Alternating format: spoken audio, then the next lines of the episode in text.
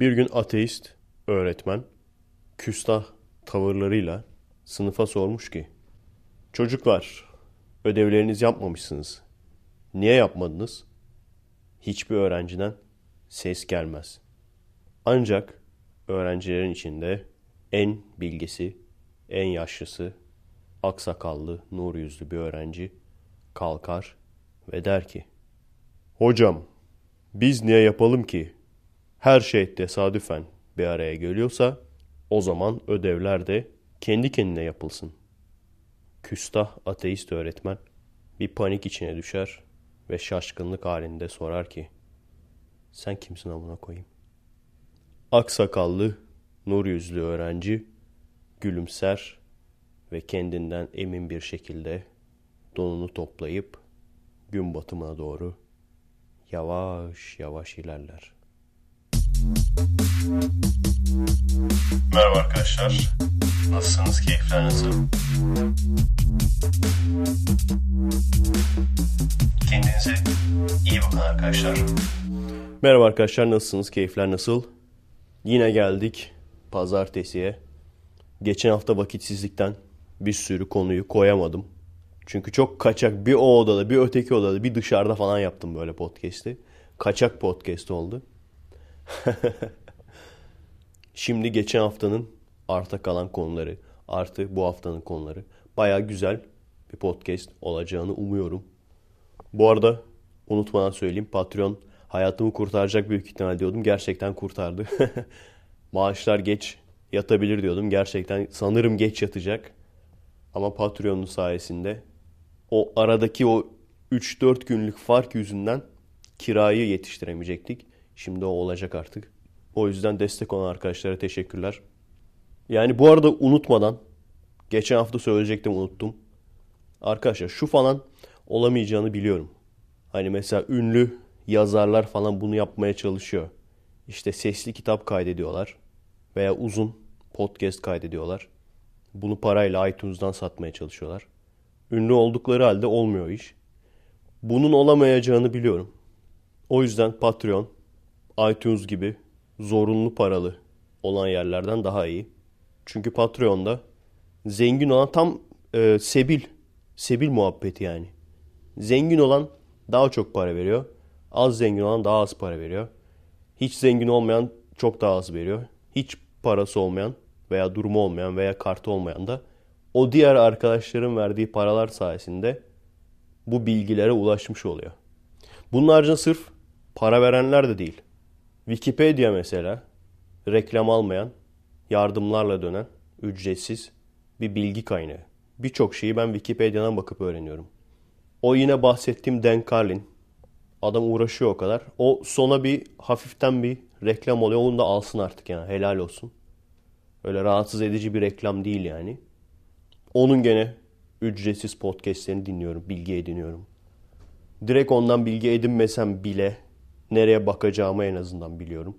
Neyi araştıracağım hakkında bir fikir doğmuş oluyor bende. Bütün bu gönüllü insanların sayesinde de ben bunlardan alıp diğer durumu olmayan insanlar da dahil herkese aktarmaya çalışıyorum. O yüzden o işin yürümeyeceğinin farkındayım. iTunes olsun veya ileride film bile yapsam yani. Yapımcı bensem yani benim cebimden çıkarak bir film olacaksa gene Patreon'dan veya Kickstarter'dan o şekilde olacak yani. Bunların hepsine eyvallah. İnsanların beğenmemesine de eyvallah. Zaten azınlığa hitap ettim hep söylüyorum ben. Ama sıkıntı şu ve bu gerçekten büyük bir sorun. Beğenen insanların paylaşmaması. Bu gerçekten büyük bir sorun. Yani hepsine eyvallah. Hepimiz alıştık. Bedava film seyretmeye alıştık. Bedava bilgi edinmeye alıştık. Kütüphaneye gitmeye gerek duymadan veya herhangi bir kitap satın almadan bilgi bedava. Müzik bedava, film bedava, her şey bedava. Hepsine alıştık. O sorun değil. Artık öyle bir döneme girdik yani. Zengin insanlar finanse ediyor. Diğer hepimiz de bundan faydalanıyoruz. İleride ben de kesin bunu hep söylüyorum zaten. Gerçekten zengin birisi olursam ne kadar oyun varsa, ne kadar film varsa hepsini orijinalini alacağım yani. Ki bu insanlara destek olmak için değil aslında. Bu oyunları oynayan, bu filmleri seyreden ama durumu olmayan insanlara destek olmak için. Umarım o günler gelir. Yani arkadaşlar dinleyen herkesin bir şekilde el atması lazım. Ve bu el atmakta paylaş tuşuna basmak oluyor. Ölmezsiniz yani. Size garanti veriyorum. Paylaş tuşuna basınca ben bastım ölmedim. Kolaylık olsun diye hem Patreon linkini bir süre sonra da YouTube linkini paylaşacağım bundan sonra. Paylaşmak daha kolay olsun diye. Ölmezsiniz arkadaşlar. Yani like'lara bakıyorum. Beğenilere. Paylaşımlara bakıyorum. Çok farklı. Bir. ikincisi de daha ilginç bir şey söyleyeyim. bu da çok ilginç. Yani istatistik. Bilim adamlarını şaşırtan istatistikler bak bunlar. Her hafta 5000 kişi dinliyor. Ama beğeniye basan 50 kişi falan. Hadi maksimum 100 kişi. 4900 kişi nefret ederek mi dinliyor? yani hayır şeyi anlarım. Bir kere dinler beğenmez falan. O zaman şaşırmam. Ama sürekli takip eden bir kesim var. Şeyin de farkındayım. Hani böyle laf sokmak için bir açığımı arayanlar, o yüzden takip edenler olduğunun da farkındayım. Bir bakıyorsun harbiden sadece 100 kişi takip ediyormuş. Geriye kalan 4900 kişi laf sokmak için geliyormuş falan böyle. Justin Bieber klipleri gibi. Yani evet unutmadan bunu da söylemiş oldum arkadaşlar. Bu podcast gene birbirinden alakasız konular style'a gideceğiz. Sanırım çoğunluk bu yöntemi seviyor. Sevmeyenini görmedim. Geçen hafta şeyi mesela seven de vardı, sevmeyen de vardı. Dışarıda bağıra bağıra ayna spikeri gibi konuştum ya. bir daha öyle bir şey yapmam gerekirse e, daha iyi olacak. Çünkü şeyi iyice kısacağım. Seviyeyi iyice kısacağım, mikrofonu iyice ağzıma yaklaştıracağım, iyice bağıracağım. 65'e falan indirmiştim. 65'e mi 50'ye mi ne indirmiştim seviyeyi. 35 falan yapacağım böyle. Haykıracağım böyle. Haykıracağım. Bir de şey olduğu için hani dışarısı insan da yok hiç etrafta. Haykır haykırabildiğin kadar yani. Dış ses falan da çok olduğu için kimse duymaz yani senin. Haykırışını. Yakarışını kimse duymaz senin. Bu hafta Efe abi bunu gördün mü serisinde Sabri'nin laneti var. Konuşmaya değer mi? Bence değer. Neden değer? Her şeyden önce medyanın ne kadar boktan olduğunu görüyoruz. İşin ilginç yanı tabii ki Sabri falan değil. Sabri ne yapsın yani? Adamı çağırıyorlar. Bu arada farkındayım. Adamın gerçek adı Sadri. Ama o hani Sabri Bey ne yapıyorsunuz muhabbeti var ya. O yüzden adamın adı Sabri olarak kaldı. Her neyse biz de Sabri diyelim. Şey sahne adı stage name. sahne adı Sabri gerçek adı Sadri. Şimdi adamı çağırıyorsunuz programa. Reklamını yapıyorsunuz. Bir de hep şey vardır. Farkındaysanız. Karşısında böyle entelektüel bir tip olur. İşte bu adamın yaptığı doğru değil falan. Neden? Televizyonu seyredenler, o programı seyredenler programa küfretmesin diye. O bak adamı takdir etmiyorlarmış. İyi de adamın reytingini yiyorlar. O profesör için mi açtılar sanıyorsunuz o kanalı? Ha şurada bir psikolog varmış bakayım ne diyor psikolog. Diye mi yoksa Sabri geldi canlı yanına bakalım uçacak mı diye mi? O gelir ondan sonra Sabri değişik değişik hareketler yapar. Büyük ihtimalle önceden söylediler. Abi dediler alan yok uçma. Uçacak alan yok. Yani o kadar tırt bir kanala düşmüş artık. Sabri'yi çağırıyorsun uçuş pisti yok ama. Adam da olduğu yerde havalanmaya çalıştı falan. Bağırdı falan. İçinden bir takım lanetler okudu falan. Bir şeyler söyledi. Diğerleri de hemen cık cık cık, hiç tasvip etmiyoruz. Bunlar kasıtlı yapıyor bunları. Şeyde falan da öyleydi ya kanalizasyonda. Medyayı eleştirmek için çekilen film. Tam Okan Bayülgen de oynamış ya zaten. Tam Okan Bayülgen kafası bir film değil miydi? Medyayı eleştiriyoruz, sistemi eleştiriyoruz ama o eleştirdiğimiz şeylerin üzerinden malı götürüyoruz. Sabri'yi filmde oynattılar. Fragmanda Sabri'yi gösterdiler. İnsanlar Sabri'yi görmek için seyretti filmi. Ama tasvip etmiyoruz. Yani Sabri'yi oynatıyoruz, para veriyoruz, onun üzerinden para alıyoruz ama tasvip etmeden alıyoruz parayı. Yani adamı. Cem Yılmaz'ın söylediği en müthiş laf o bence yani adamı uçsun diye stüdyoya çağırırsan adam uçar. İlk uçtuğu zaman söylemişti. Ona uçmak denmiyor tabi de. İlk sabrilediği zaman, sabrilemek. Yani koltuğa çıkıp ileriye sıçrayarak Yuvarlana yuvarlana mümkün olduğu kadar ileriye gitmeye çalışmak. Sabrilemek. Sabrying. Every day I'm sabrying. Yani adamı programa çıkartın. Normal durmasını mı bekliyorsun? Normal durursa bir daha kimse çağırır mı adamı? Fuck you abicim, fuck you. Sizin gibi medyayı fuck you. Bu arada. Görüyorsunuz İngilizce, Türkçe küfür, her türlü küfür bulunur bizde. Sırada bir podcastçi siteyi tanıtacaktım. Tam da alakalı oldu. Benim gibi küfretmeden bilim yapan küfürsüz bilim sitesi var. Bilim kazanı diye. Şu anda hala aktifler mi bilmiyorum. Ama 30 küsür bölümleri var. 32 bölümleri var. Evrimi anlatıyorlar genelde. Bilimin diğer konularıyla da ilgileniyorlar. Komik bir şekilde anlatıyorlar. Kızlı erkekli bir grup. Tabii ki kızlı erkekli bir grup bizim gibi böyle ağır abazan gruba kıyasla ne kadar komik olabilir? Tabii ki olamaz çünkü biz seviyesiziz. Ama işte bizim böyle seviyeli versiyonumuzu ve sadece bilim üzerine böyle doktora yapmış, Harvard'da okuyan, çalışan, üç Türk ve yeri geldi mi de konunun uzmanı başka Türkleri çağıran konuk olarak insanlar. Kesinlikle takip edin. Zaten dinleyecek podcast arıyordunuz.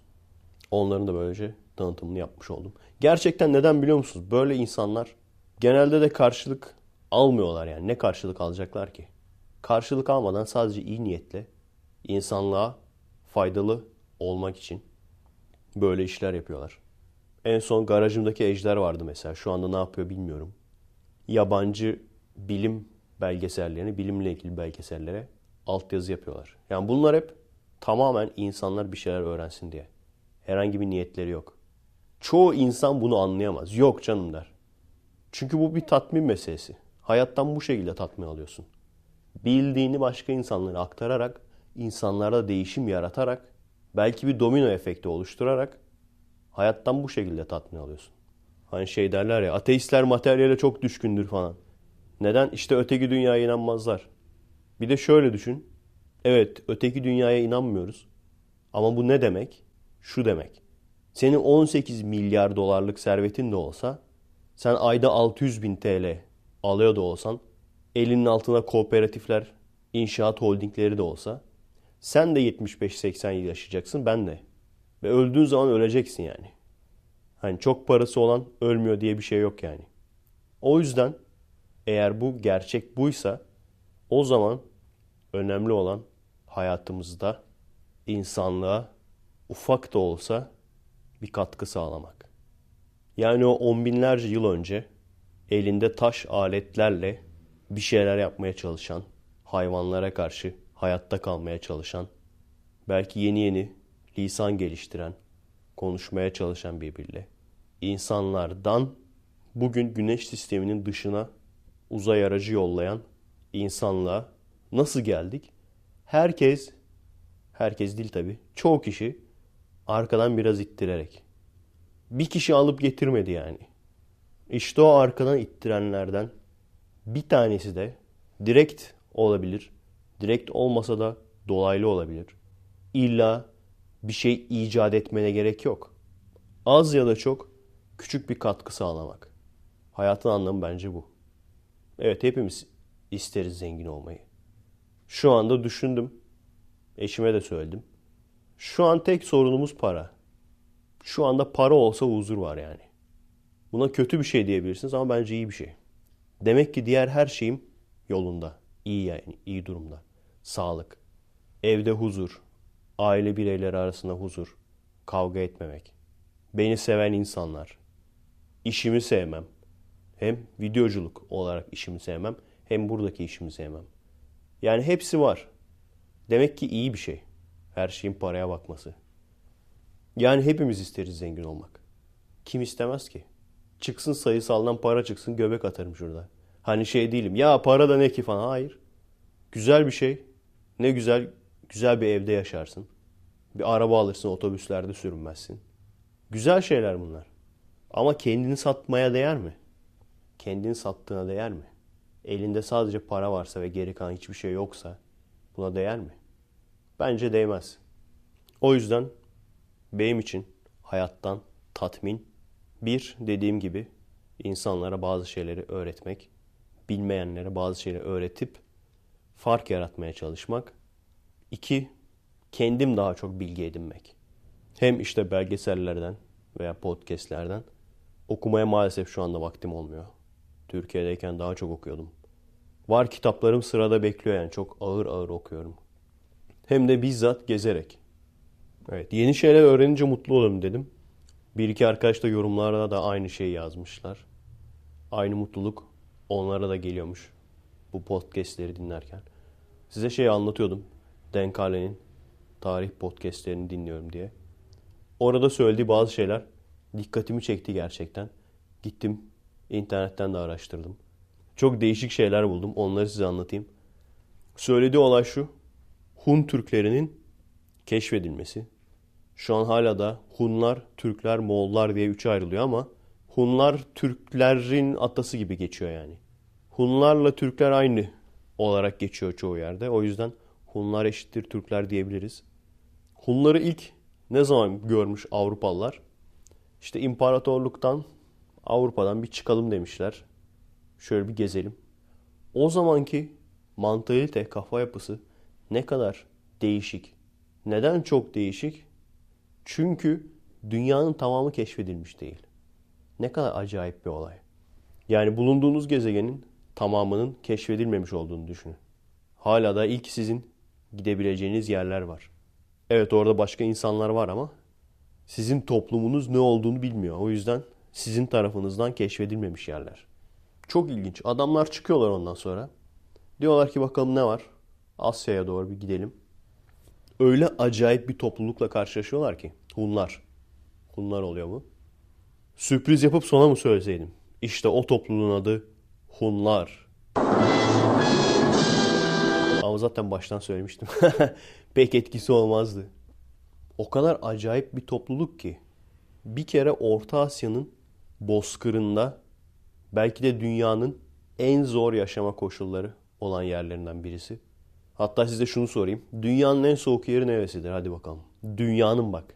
En soğuk yeri neresidir? Bir kısım Kuzey Kutbu, bir kısım Güney Kutbu dedi. Dünyanın en soğuk yeri Sibirya'dır. Bir kere bu inanılmaz zor yaşam şartlarından dolayı adamların bir tipi değişik olmuş. Bu bir. İkincisi gözler çekik. Hayatlarında ilk defa çekik gözlü insan görüyorlar. Onun sebebini biliyor musunuz? Yani şu anda neden farklı farklı insan ırkları var? Zenci var, beyaz var, iyice bembeyaz var. Çekik gözlü Asyalı tipli insanlar var. İşte Kızılderili tipli insanlar var. Ama baktığınız zaman hepsi insan. Yani evlenirlerse eğer, çiftleşirlerse sağlıklı çocuk meydana getirebiliyorlar. Hepsi insan cinsi. Ama neden bu kadar değişmişler, farklılaşmışlar? Artı bu farklılık neden daha artmıyor şu anda? Yani bugün niye daha farklılaşan insanlar görmüyoruz? Çünkü arkadaşlar gene aynı sebep yüzünden. Ulaşım zorluğu.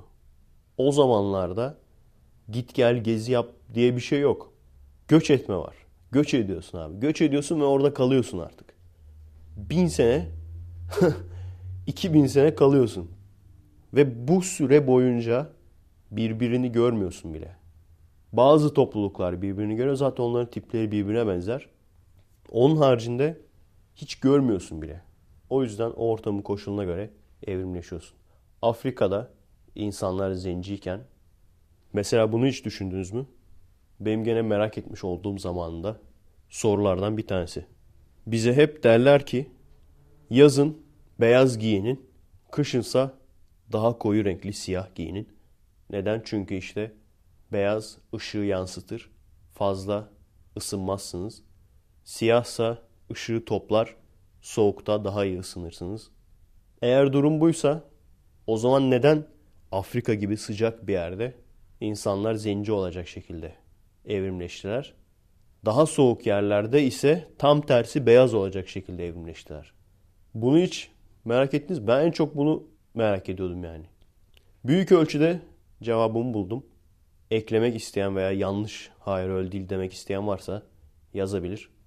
Biliyorsunuz insanda rengi belirleyen pigment sayısı.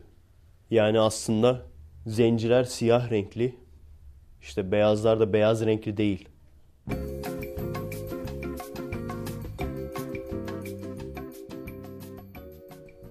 Evet zorunlu bir aradan sonra geri geldim. Odada kıyafet. Burası soyunma odası ya.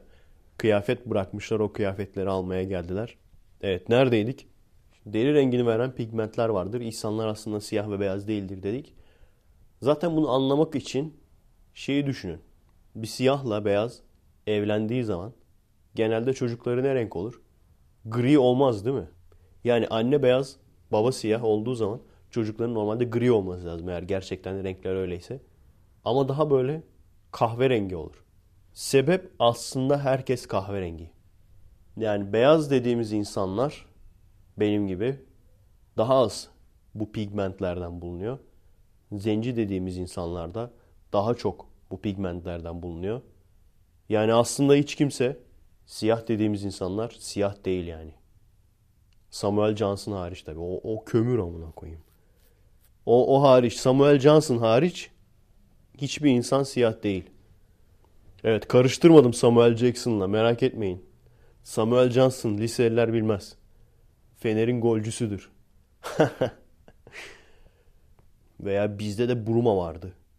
Yani siyah oldu o kadar da siyah. Kardeşinin pigmentini çalmış adam. Evet. Bak burada ırkçılık yapabiliriz. Burada seviyesiziz çünkü. burada seviyesizliğe izin var. Bir de tabii iyice beyaz dediğimiz onlarda da artık bu pigmentlerden çok az vardır. Neden? Olay şu. Pigmenti perde olarak düşünün arkadaşlar. Yani deriyi koruyan perde olarak düşünün. Güneş ışınlarının çok fazla olduğu yerde radyasyon da çok fazla var.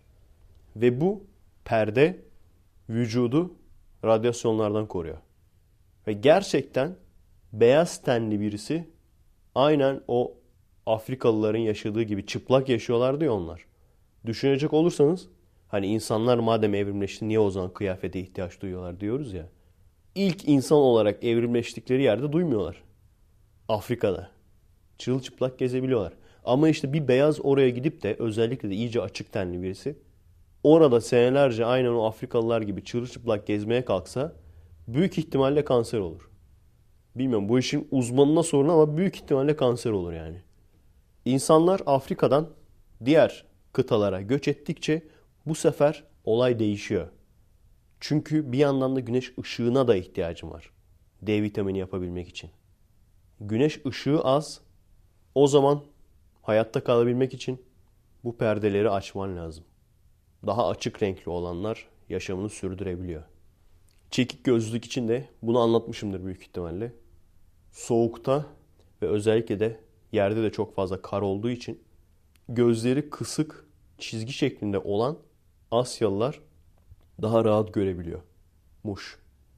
Bu kesin değil ama büyük ihtimalle bu olduğu düşünülüyor. Asyalıların çekik gözlü olmasının sebebinin. Yani hepsi bir yerden çıkma aslında. Hani şey derler ya niye hepimize Japon diyorsunuz ya bak biz farklıyız ben Çinliyim öteki Kore. Hayır Japonsun abi. Yani Türklere göre Türkler Japonlar bütün çekik gözleri. Burada da bütün çekik gözlere Çinli diyorlar. Yani çekik gözlü olmayana göre hepiniz aynısınız. Boşu boşuna birbirinizi öldürüp duruyorsunuz. Çinliler Japonları öldürür. Sonra Japonlar Çinlileri öldürür. Çin İmparatorluğu çok güçlüyken Japonya'ya saldırmaya çalışıyor. Dev ordusuyla ele geçirecek yani Japonları. Ama tam o sırada inanılmaz bir kasırga ordunun birçoğunu yok ediyor. Geri kalan ulaşanları da samuraylar kesiyorlar hepsini. O fırtınaya da Tanrı'nın rüzgarı. Tanrı Kami, rüzgar Kaze. Kamikaze. Tanrı'nın rüzgarı diyorlar. Kamikaze savaşçıları da buradan geliyor. Şimdi ta podcast'in başlarına gelecek olursak hayatlarında ilk defa Avrupalılar çekik gözlü insan görmüş dedik bir. Ama şaşırmalarının esas sebebi bu değil. Gördükleri insanların kafaları, kafa tasları alien. Alien gibi uzatılmış. Türbansız türbanlı. Araştırın bakın. Hun, Skulls falan yazın. Nasıl oluyor peki bu olay? Hunların yaptığı bir olay çocukken küçük çocukların daha kafa tasları tam gelişmemişken kafalarını sargılarla sıkıca sarıyorlar etrafını ve uzunlamasına gelişiyor. Sebebi ne? Hiçbir sebebi yok. Sadece bazı insanları diğerine ayırmak için. Ve Avrupa'dan çıkan insanlar bunları gördüğü zaman kafalar uzun, gözler çekik, yüz göz böyle yara bere içinde falan. Tamam diyorlar bunlar insan değil. Başka bir tür keşfettik diyorlar. Ciddi ciddi. Yani ne kadar ilginç. Senin gidip başka gezegenlere orada yaşayan bir uzaylı ırkı keşfettiğini düşünsene. Aynen o yani. Ondan sonra götleri tutuşuyor tabii. Çünkü felaket vahşi ve gerçekten de hani biz kendi kendimize diyorduk ama dünyada da büyük ölçüde bu kabul ediliyor. Savaşçılık olarak bir numara. Gelmiş geçmiş savaşçı olarak bir numara. Hunlar ve Moğollar. Yaptıkları işler atın üzerinde yaptıkları işler inanılmaz yani. O akrobasi, o kullandıkları yaylar. O yayları normal bir insan çekemiyor. Çekip de atamıyor yani.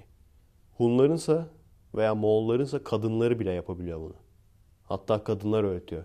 Annelerin görevi o. Çocuklara bunu öğretmek. Gene sanırım Hunlarda olacak. Savaşta bir düşmanı öldürmediğin sürece evlenemiyorsun. Ki savaşçı ruhu olmayan kadınların çocuğu hiç olmasın bile yani. Sen savaşamıyorsan senin çocuğun bile olmasın diyorlar yani. Sadece savaşta düşman öldürmeyi başarmış kadınları evlendiriyorlar.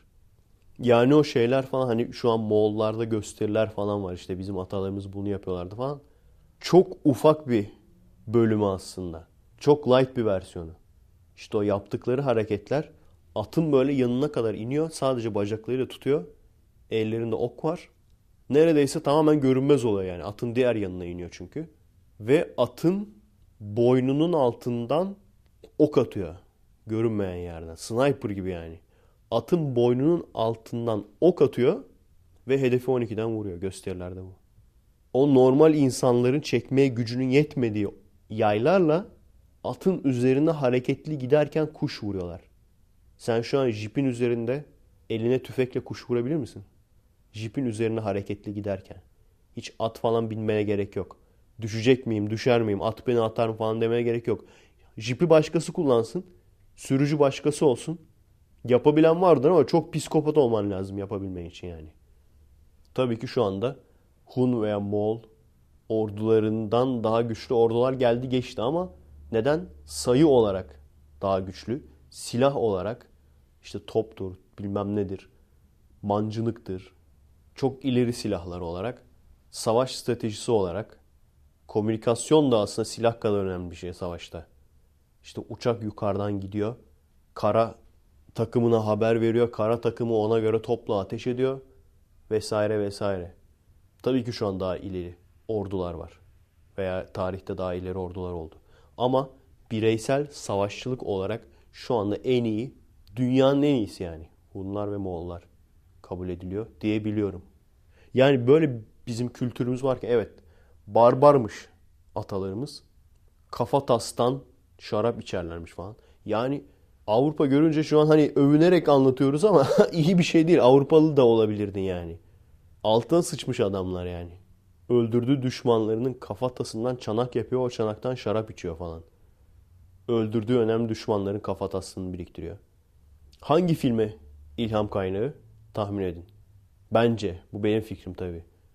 Şöyle bir şey var. Çoğu fantazi veya bilim kurgu filmi gerçek olaylardan ilham almış. Yüzüklerin Efendisi biliyorsunuz. Birinci Dünya Savaşı'ndan ilham almış. Yüzüklerin Efendisi'nin yazarı sanırım Birinci Dünya Savaşı'nda savaşmış birisi. İkinci Dünya Savaşı değil değil mi? Bir olması lazım. Neyse iki ise düzeltin. Her halükarda zaten ikisinde de aynı şey geçerli. Yani o Yüzüklerin Efendisi'nde olan böyle yeşillik, cennet gibi köylerin, kasabaların savaş yüzünden yerle bir edilmesi, cehenneme dönmesi. Birinci Dünya Savaşı'nda iki tane savaş var ki Yanlış telaffuz ediyorsam söyleyeyim. Verdon, öbürü de Som olması lazım. Cehennem neresi diye soracak. Yani bir sürü kutsal kitapta cehennemin tanımı var. İnsanlar hayal güçlerini kullanarak bir cehennem fikri geliştirmeye çalışmışlar milleti korkutmak için. Bu savaş alanlarının yanında o cehennemler hiçbir şey kalır yani. Neden mesela Birinci Dünya Savaşı'nda daha az insan ölmesine rağmen İkinci Dünya Savaşı'nda çok daha fazla insan öldü. Ölenlerin çoğu sivillerdi. Ama Birinci Dünya Savaşı'nda savaşanların yaşadığı ızdırap, rezillik gerçekten çok büyük. Belki de daha büyük. Çünkü çabuk bir ölüm değil. İlk defa, bunu daha önce söylemiştim galiba. Hendek Savaşı, Trench Warfare. Ha evet hatırlıyorum söylemiştim. Ve orada aylarca yaşıyor. Sürekli top saldırıları ve bu toplar da bizim böyle bildiğimiz filmlerdeki küçük toplar değil yani. Adam bir tane top atıyor. Topun büyüklüğü bir Volkswagen araba büyüklüğünde top atıyor sana. Anlıyor musun? Yani normalde ölmüyorsan top sana denk gelmiyorsa topun havaya uçurduğu kayalar geliyor sana. Kayalarla ölüyorsun. O topların açtığı kraterler. Direkt ayın yüzeyi gibi. Daha sonra üzerine yağmur yağıyor senin. O kraterleri de yağmur dolduruyor. Daha sonra taraflar birbirine zehirli gaz atıyor. Aslında gaz değil de toz partikülü gibi yani. O yüzden eğer ölmesen bile işte gaz maskesi vesaire falan yırttın diyelim. O zehir o kraterlerdeki suya karışıyor çökeldiği zaman. Ve insanlar susuzluktan dolayı çünkü su artık bir noktadan sonra temin edemiyorlar. Susuzluktan dolayı gidip o suları içip zehirlenerek ölüyorlar. Veya birçok yerde artık zemin yumuşadığı için bataklığa dönmüş artık orası. Basıyor, çıkamıyor dışarıya. Arkadaşları çıkarmaya çalışıyor. Ama bir yandan da düşman top mermileriyle vuruyor bunları. Vurduğu için arkadaşlarını bırakıp gidiyorlar. Mesela gece oluyor. Orada bataklık gibi yerde sıkışan adam hala ölmemiş. Hala ağlıyor orada. O ağlamasının, bağırmasının sesini dinleyerek uyumaya çalışıyorsun. Daha sonra zaten böyle bir şey olduğu zaman devam etmeye gerektiği zaman direkt kafalarına sıkıyorlarmış. Bataklığa yakalananların. Birinci Dünya Savaşı gerçekten ilginç. Yani mesela o modern zamanla eski çağ denilen işte eski savaşlar falan atın üzerinde falan olur. İşte komutanlar arkada beklerler atın üstünde falan. Miğfer diye bir şey yok. Miğfer ne? Miğfer diye bir şey yok yani.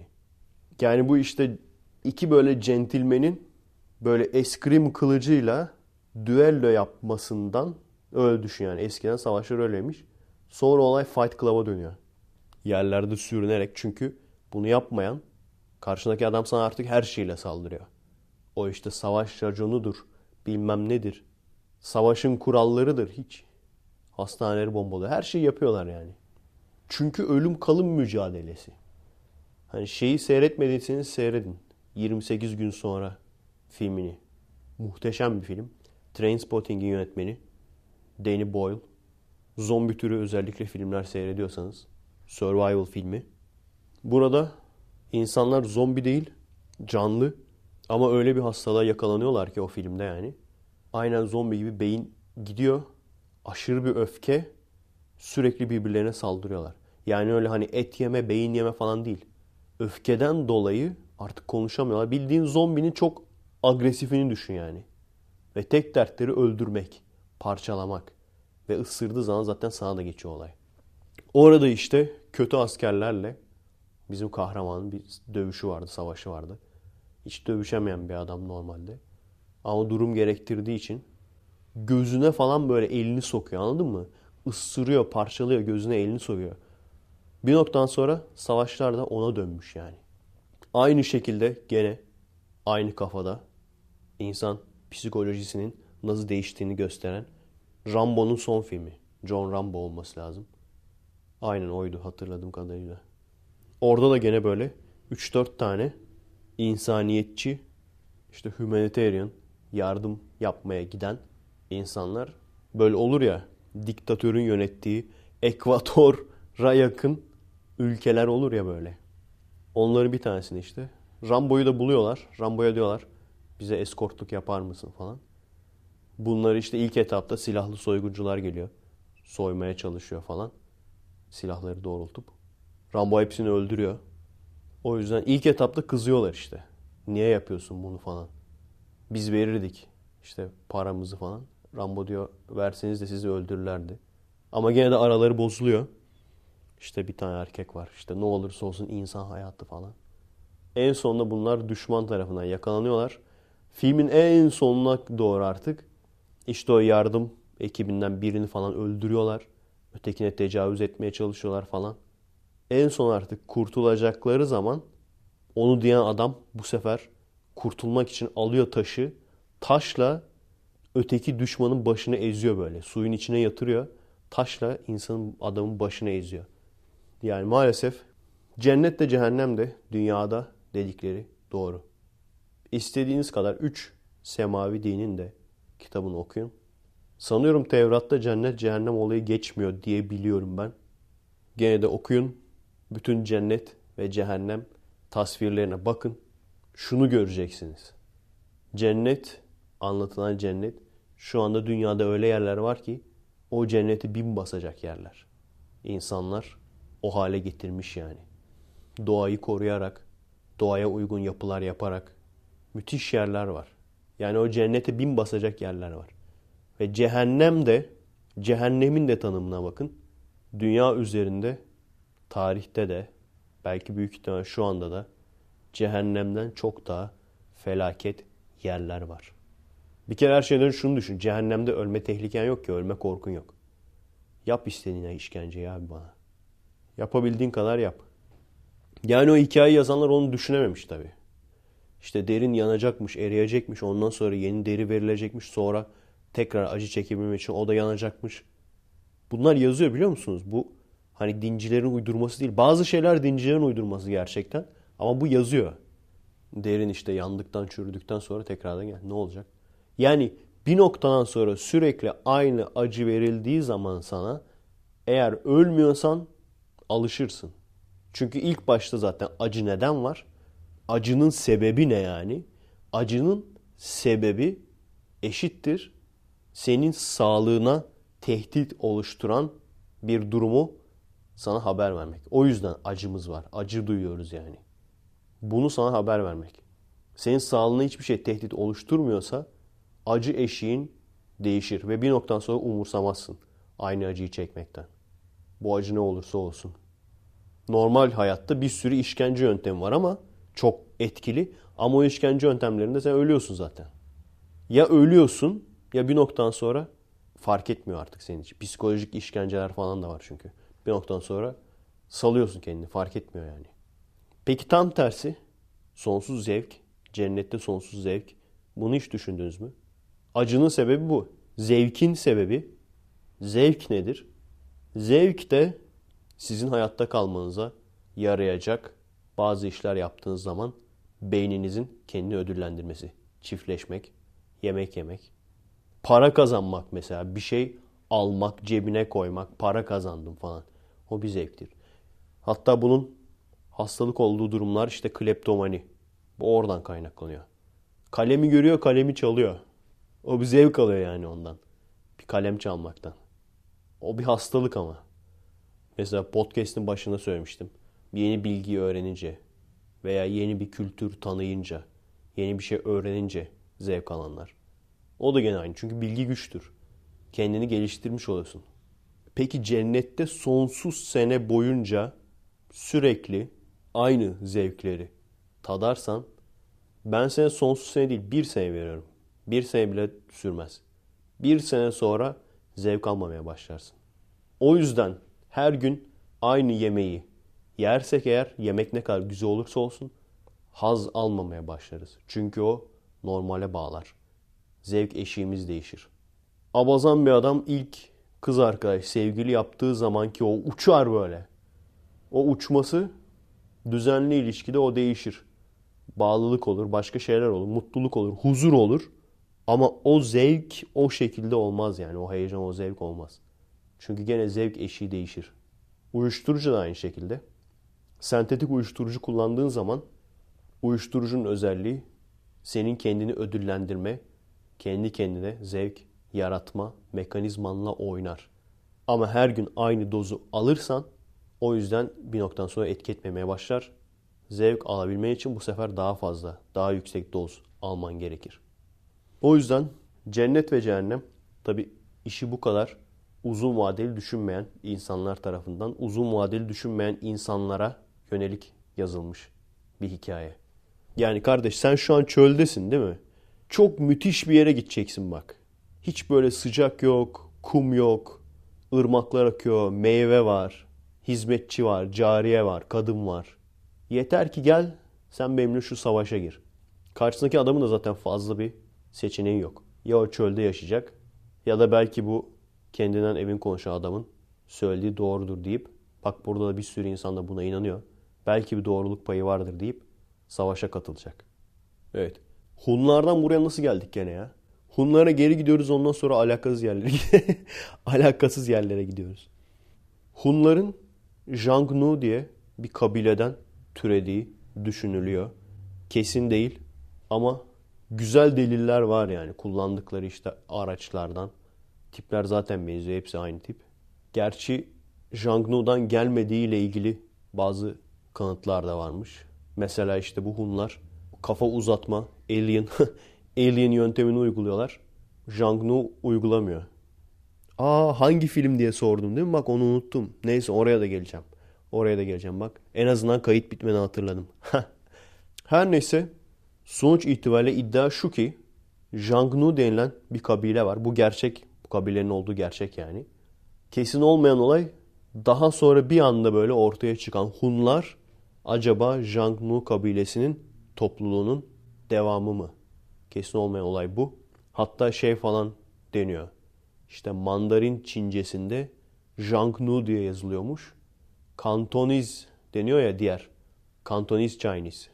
Diğer Çince'de Hangnu diye yazılıyormuş falan. Böyle ilginç iddialar var. Peki Jangnu kim? Çünkü eğer doğruysa Türkler Hunlardan geldiyse, Hunlar da Jangnu'dan geldiyse o zaman Jangnu'nun kim olduğunu bilmemiz lazım. Dedemiz kim yani?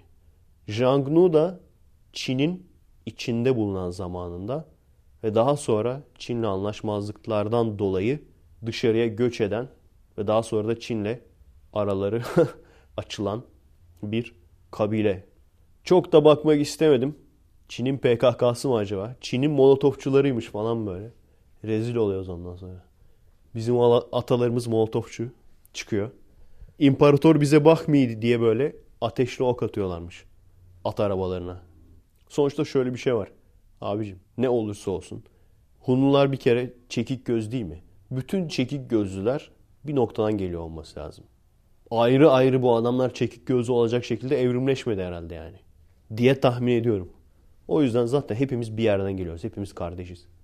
O kafa bağlama olayı filme geleceğim. Filmi unutmadım merak etmeyin. O kafa bağlama olayı çok ilginç bir şekilde Pers, Mısır gibi başka topluluklarda da uygulanmış. Bir sürü topluluk saymış böyle. İşte uygulayanlar arasında birbirinin varlığının farkında olmayan normalde topluluklar. Çok ilginç lan. Tam buradan tam bir uzaylı komple teorisi yaratılır yani. Birbirinin farkında olmayan topluluklar neden böyle bir işe girdi? Ama uyguladıkları yöntemler farklı. O da ilginç. Hep böyle alien gibi uzatmıyorlar kafayı. Bazısı yassılaştırıyor. Tahtanın böyle tahtayla sıkıştırıyorlar kafayı. Bazısı yassılaştırıyor, yassı kafa yapıyor. Bazısı tepeden bastırıyor. Böyle manyak manyak hareketler. Ve bunu iyi bir şey olarak yapıyorlar. Yani işte yüksek tabakanın farkı belli olsun falan diye. Biz uzun kafalıyız falan. Ah be abi. Sen onu yanlış anlamışsın. Kafası uzun olacak deyince sen yanlış anlamışsın onu. Ha kafası uzun mu olacak? Tamam tamam. Biz bu tahtayla gerelim o zaman. Of of. Yanlış anlamışsın sen onu. İlk bulunduğu zaman ciddi ciddi uzaylı kafatası mı acaba falan dendi. Dendiğini hatırlıyorum yani. Belki de bilim adamları dememiştir ama birisi fotoğrafları bulup öyle bir haber yapmıştır ama hatırlıyorum yani. Böyle acayip kafatasları bulundu. Acaba bunlar uzaylı mı falan. Ve onunla ilgili de Kingdom of Crystal Skull En son Indiana Jones filmi. Rezil. Yani Spielberg seyircinin anasına sövmüş bir film. Hani kötü görüntü efektlerini geçtim. Kötü green screen efektlerini geçtim. Hepsini geçtim. Şey zaten ünlü oldu. Buzdolabıyla nükleer bombadan, atom bombasından kurtulma falan. O zaten ünlü oldu da onu da hadi geçtim. Shia LaBeouf'u niye oynatırsın sen böyle bir klasik filmde? O da işte bence büyük ihtimalle çünkü onlar da öyle kafa tasları buluyorlardı. Aynen öyle yani uzunlamasına. Sonra işte en sonunda Alien çıkıyor bunlar falan. Evet her neyse filmi unuttum sanmayın. Şimdi söyleyeyim bakalım. Hun Türkleri hangi filme ilham oldu sizce? Alien demeyin hemen. Evet kafadan dolayı Alien olabilir ama başka bir şey bence. Predator abi. Direkt o vahşilikleri, o avcılık, savaş, insan avcılığı bir de yani. Tam olarak insan avcılığı. Ondan sonra işte öldürdükleri düşmanların kafataslarını toplamak. Tam Predator abi. Kafalarda Alien zaten. Adamlar tek kişilik Alien vs Predator olmuş yani. Kesin bak onun bir şeyini derinlemesine araştırmak lazım. Predator filmini yapan adam kesin Hun Türklerinden bence ilham aldı. Vay ansın saat 2 olmuş lan. Oha. Baya yardırmışız bugün ha. Bugün felaket yardırmışız. Evet. Benim mesai başlar. Saat 2'ye 2 var. Bir nefeste bu kadar konuştum hiç hatırlamıyorum abi. Yarına görüşürüz. Kendinize iyi bakın.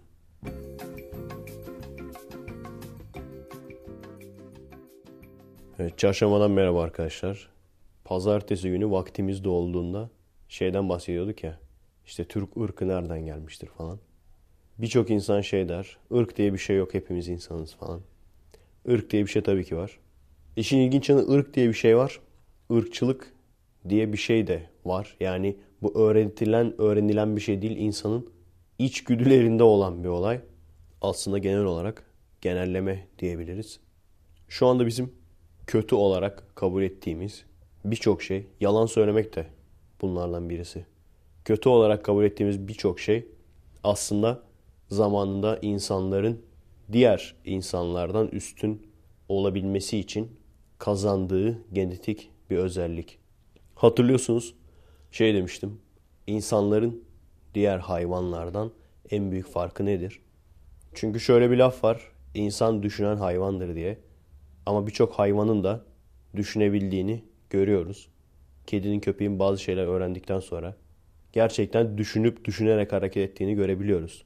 Maymunların, yunusların problem çözer gibi görerek öğrendikleri basit şeyleri uyguladıklarını görebiliyoruz. Aradaki fark ne? Aradaki fark insan hayal kurabilen hayvandır. İnsanın diğer hayvanlardan ve hatta ilkel insanlardan da en büyük farkı hayal gücünün gelişmiş olmasıdır. Bu hayal gücünün gelişmesinin bir sonucu olarak da yalan söyleme yeteneğini kazanıyor. Yani yalan söyleme yaratıcı zekayla, hayal gücüyle alakalı bir şey. Eğer sizde bu yoksa yalan söyleyemezsiniz. Çok ilginç değil mi? Ne kadar aslında basit bir şey bizim için yalan söylemek. Ama bu olmasaydı hayal gücü, yaratıcılık olmasaydı yalan söyleyemezdiniz. Ve tahmin edeceğiniz gibi özellikle eski çağlarda insanlara yalan söyleyip kandırma yeteneği gerçekten bir artı olmuş insanda. Ve daha da ilginci şu anda da hiç çalışmadan çok iyi yerlere gelebilmiş, çok güzel cebini doldurabilmiş doğru düzgün çalışmadan. İnsanların birçoğunun özelliği çok iyi yalan söyleyebilmeleri. Hani şunu diyorlar ya bize. Ya işte bir evrim yaratılış tartışması ne kadar böyle kavgaya dönüştü falan. Bilimsel bir tartışma nasıl böyle işte çete savaşı gibi oldu falan. Evet gerçekten evrime karşı olan insanlar da var veya gruplar da var. Onun farkındayız. Onlara daha saygılı davranıyoruz. Ama bizim bu mücadele ettiğimiz yani böyle işte davalaşmalar bilmem neler hani o onu bitirmeye çalışıyor, o onu bitirmeye çalışıyor falan. Onlar bize sürekli iftira atıyor falan. Bunlar çetedir. Ne olduğunu, neyin ne olduğunu bilen bu sayede bilerek, kasıtlı yalan söyleyerek etrafına insan toplamayı başarmış kişilere karşı mücadele ediyoruz. Yani normal sıradan evrimi kabul etmeyen birisiyle gerçekten buna inanıyorsa normal tartışılır o ayrı. Ama bunlarla mücadele ediyoruz. Aynı kefeye koymayın yani. Her yaratılışçıyı veya her dindar, dinci insanı aynı kefeye koymayın. Bu da gene yalan yeteneğinin şu anda bile ne kadar işe yaradığını gösteriyor. Hikaye yazarları mesela profesyonel yalancılardır. Ben de hikaye yazarı olarak başlamıştım. Gerçi ondan önce de şey vardı. Karikatürleri, espriyi. Aslında ikisi aynı dönemde oldu diyebilirim. Bir taraftan da kitap yazıyordum. O şu anda okuduğunuz Çikolatalar kitabını yazıyordum. Yalancılık böyle. Bir de ırkçılık olayı var. Irkçılık aslında bunun kökeni de kaynağı da genelleme. Bu da aslında söylememe bile gerek yok. Genelleme insanın hayatta kalabilmesi için özellikle eski zamanlarda lüzumlu bir olay. Çünkü adam bir tane aslanı görüyor. Bakıyor ki aslan buna saldırıyor veya yakınlarına saldırıyor, öldürüyor. İkinci aslanı görüyor, ikinci aslan aynı şekilde saldırıyor. Üçüncü aslanı gördüğü zaman aslan tipli bir şey görüyor. Tamam diyor. Hiç saldırmasını beklemeden kaçıyor artık. Veya tam tersi saldırmasını beklemeden o aslana saldırmaya çalışıyor. Bu bana saldırır diye. Irkçılık buradan kaynaklanıyor. Buradan geliyor yani. Kendine benzemeyen özellikle kendine benzemeyen farklı grup, farklı görüntüsü olan insanlara karşı ön yargı. Kendini koruma amaçlı. Adam bir tane zenci görüyor. Hırsızlık yapmış. İkinci zenciyi görüyor. Gene hırsızlık yaparken. Ondan sonra artık zenci gördüğü zaman çantasını kucaklayarak, koruyarak gidiyor. Aslına düşünecek olursanız dünya üzerinde ne kadar çok zenci var. O insanın bulunduğu mahalledeki zenciler hırsızmış.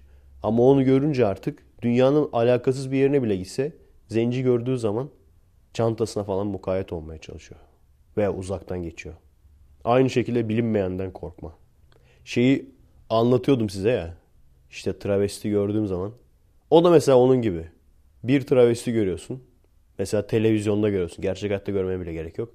İşte bıçakla saldırıyor birine. Başka bir yerde daha travesti görüyorsun. Gene benzer bir olay. Sonra yolda travesti görünce bu sefer uzaktan uzaktan geçiyorsun. Sonra ne oluyor mesela? Alsancak'ta biz göre göre alıştık tabii. Herhangi bir zararlarını görmeyince ona alıştık. Ondan sonra yeni bir olay geldi. Oruz Budayı'nın, Oruz Budayı'yı bilen var mı? Oruz Budayı'nın İzmir versiyonu. Yani kim bilir tabii dayının ne sıkıntısı var. Dalga geçmek için söylemiyorum ama bildiğin amca. Bildiğin amca. Amcaya peru bile yok. Bildiğin amca kadın kıyafetleri giyip elbise, böyle mini elbise falan. işte kadın çantası falan.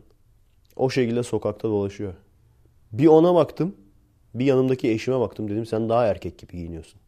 Kot pantolon falan. Kot pantolon, sırt çantası falan. Dedim sen daha erkek gibi giyiniyorsun. Çok ilginç. İlk aklıma gelen neydi biliyor musunuz? Bu adam kesin iddia kaybetmiş. Çünkü gerçekten tip olarak öyle bir tipi yok yani. Hani hormon yemiş de travesti olmuş. Tipi yok yani. Bildiğin amca yani. Dedim kesin bu iddia kaybetti. Böyle dolaştırıyorlar bunu. Veya mafyanın şeyine düştü, eline düştü. Mafya bunu şey yapıyor. Böyle kadın kıyafetleriyle gezdirerek infaz ediyor. Yok ondan sonra defalarca kere daha gördük. What? Did something happen? Okay, close door. And be quiet. Orada da mesela yine bilmediğinden tırsma. Uzaktan uzaktan gidiyorduk. Neden ki yani amca? Ne yapacak ki yani aslında düşünecek olursan. Şimdi gene aynen burada da birkaç gün önce otobüs beklerken gene aynı şekilde bir dayı gördük. Perukluydu o. Yani evet tabii ki bu içgüdümüze karşı gelmeliyiz. Hani bunları iyi bir şey olarak söylemiyorum. İşte yalan söylemek iyidir. Veya işte ırkçılık yapmak iyidir. Kendinizi korumanızı sağlar gibi demiyorum yani. Tabii ki iyi olmayan bir şey. Ama insanın içgüdüsüne, DNA'sına kazınmış bir şey yani ırkçılık. Kendinden farklı olandan korkma Artı çok hızlı bir şekilde genelleme yapma. Evet. Çocuklar tabii çarşamba olduğu için erken geldiler. Bir sürü değişik değişik hakaretlerle karşılaşıyorum internet üzerinden. Milletin eli bohça olmadığı için. Irkçı diyen oldu bana. Ama şeyden dolayı ırkçı ateistler dedi yani. Ateistler ırkçıdır diyen oldu. Bunun konumuzla alakası ne? Çünkü çok ilginç bir şekilde eskiden tanrılar özellikle Orta Doğu'da o bölgedeki tanrılar her kabilenin ayrı tanrısı var. Ve o kabilenin tanrısı yani onlar o tanrının gerçek olduğunu düşünüyor ve dünya üzerinde o kabileyi diğer kabilelere karşı üstün olarak gördüğünü düşünüyor. Bugün semavi dinlerin kutsal kitaplarını okuyun. Aynısını göreceksiniz.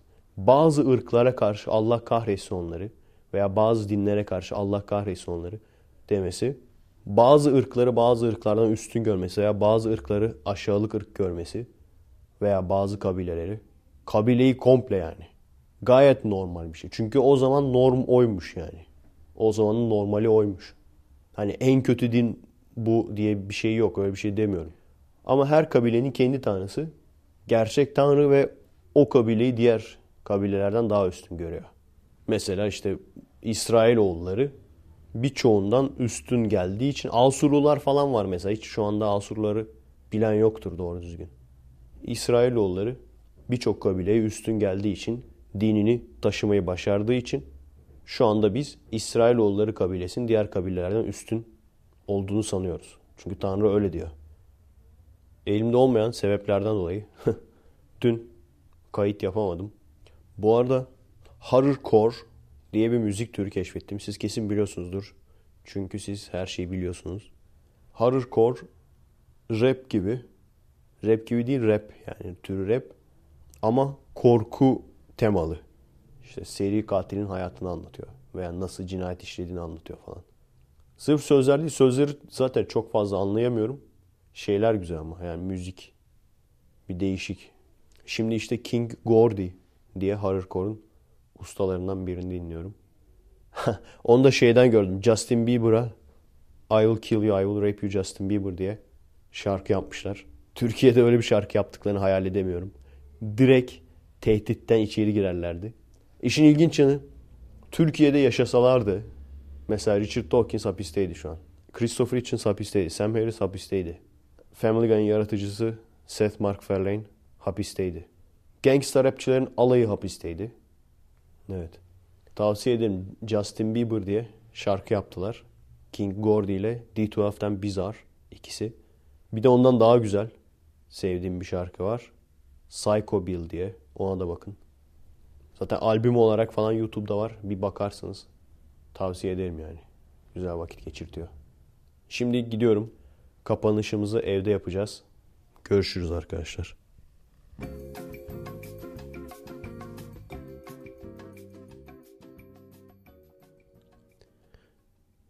Evet podcast'imize evden devam ediyoruz.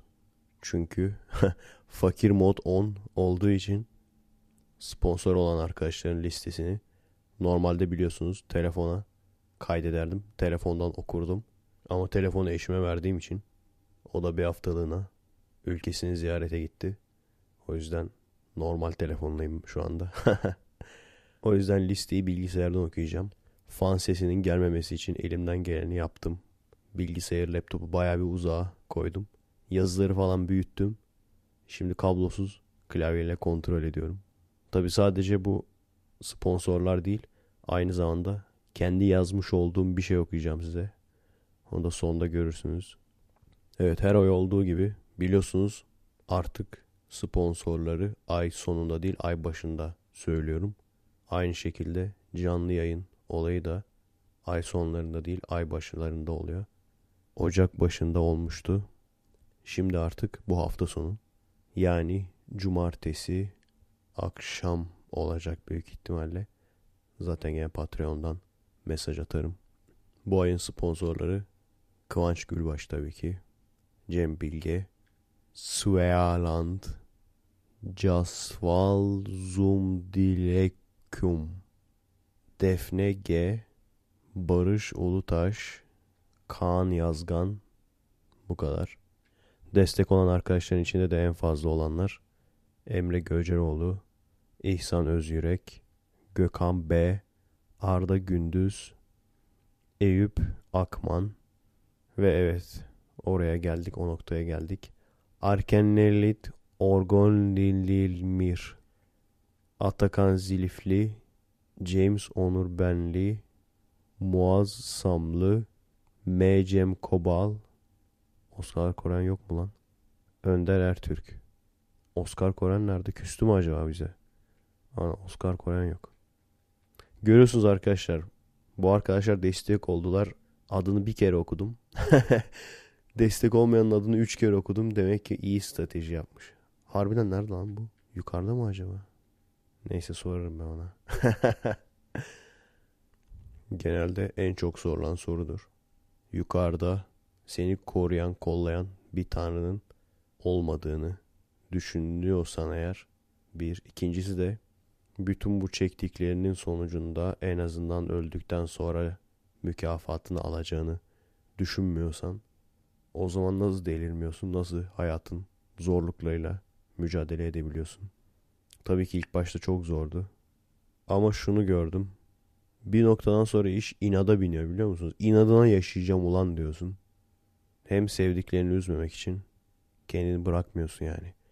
Hem de benim durumumda o kadar çok insan bayram eder ki bana bir şey olsa yarın araba çarpsa o kadar çok insan bayram eder ki o yüzden inadına yaşayacağım diyorsun yani. Bazen inada biniyor olay. Yapmanız gereken hayat size vurdukça vurmasının geçmesini beklemek yerine kalkıp siz de ona vurmanız lazım. Hayat kavgasında bu hayat gerçekten bir kavga yani. Hayatla kavga ediyorsun yani. Gerçekten öyle. Hani Paris Hilton çıkıp diyor ya anlatmıştım. İşte eleştirmenler beni çok kötülüyor bilmem ne insanlar çok nefret ediyor benden internet üzerinde falan. Sorun sıkıntı dediği şeye bak yani. İnadına yaşayacaksın. Hayat sana vuruyorsa sen de kalkıp hayata vuracaksın yani. Yani hayatı arabesk rap olarak değil, gangsta rap olarak yaşayacaksın. Önemli olan bu. Evet, adresimiz youtube.com bölü kommek, twitter.com bölü kommek, destek olmak isteyen arkadaşlar için patreon.com bölü Efe Aydal podcast'imizi sizin için zamanda yazmış oldum. Aslında bunun videosunu çekecektik. Vakit olmadı o yüzden çekemedik. Sizin için yazmış olduğum bir gangsta şiir okuyacağım. Dün arabamla gezerken polis durdurmak istedi. Şehir içi 170 yaptığım için. Hemen gazlayıp tozumu yutturdum. Çünkü benim hayatım böyledir. Bütün gün toz çekip fahişelerin götünü tokatlarım. Senin bütün evini küçük garajıma sığdırırım. Polisler geldiği zaman üçüncü kattan atlayıp topuklarım. Bütün gün toz çekip fahişelerin götünü tokatlarım. Donumun lastiğini elmasla donattım. Sıçtığım tuvaleti altınla kaplattım. Aynı anda sarışını, esmeri, zenciyi hoplattım. Gece sarı Ferrari'mle yollarda bir tur attım. Canım sıkılınca bütün kumarhaneyi kapattım. Param fazla geldi. Saçımı platine boyattım. Bana ters bakan zencinin burnunu kanattım. Saat ondan sonra sokaklarda içki sattım. Bütün gün toz çekip fahişelerin götünü tokatlarım. Bütün gün toz çekip fahişelerin götünü tokatlarım. Benim şiirim dünyanın en kaliteli şiiridir. Benim şiirimi duyunca diğer şairler hizaya gelir. Benim şiirim okullarda ders diye öğretilir. Benim şiirimi dinleyen kadın daha da alevlenir. Beyaz beyaz beyaz beyaz beyaz beyaz beyaz. Yüzde yüz katıksız bir beyazım. Beyaz beyaz beyaz beyaz beyaz beyaz beyaz. Babam da bir kar tanesi gibi beyazdı. Ben de ilkbahar bulutları gibi beyazım. Başkası gibi karışık beyaz değilim. Safkan bir beyazım. Bütün gün beyaz kardeşlerimle beyazlık yaparım. Polis bana yanaşamaz. Çünkü beyazlardan korkar. Bazı fahişe beyazlar gibi karışık beyaz değilim. Ben gerçek bir beyazım. Benim pipim çok büyüktür. Seninki ise o kadar da büyük değildir. Merhaba arkadaşlar. Nasılsınız? Keyifler nasıl?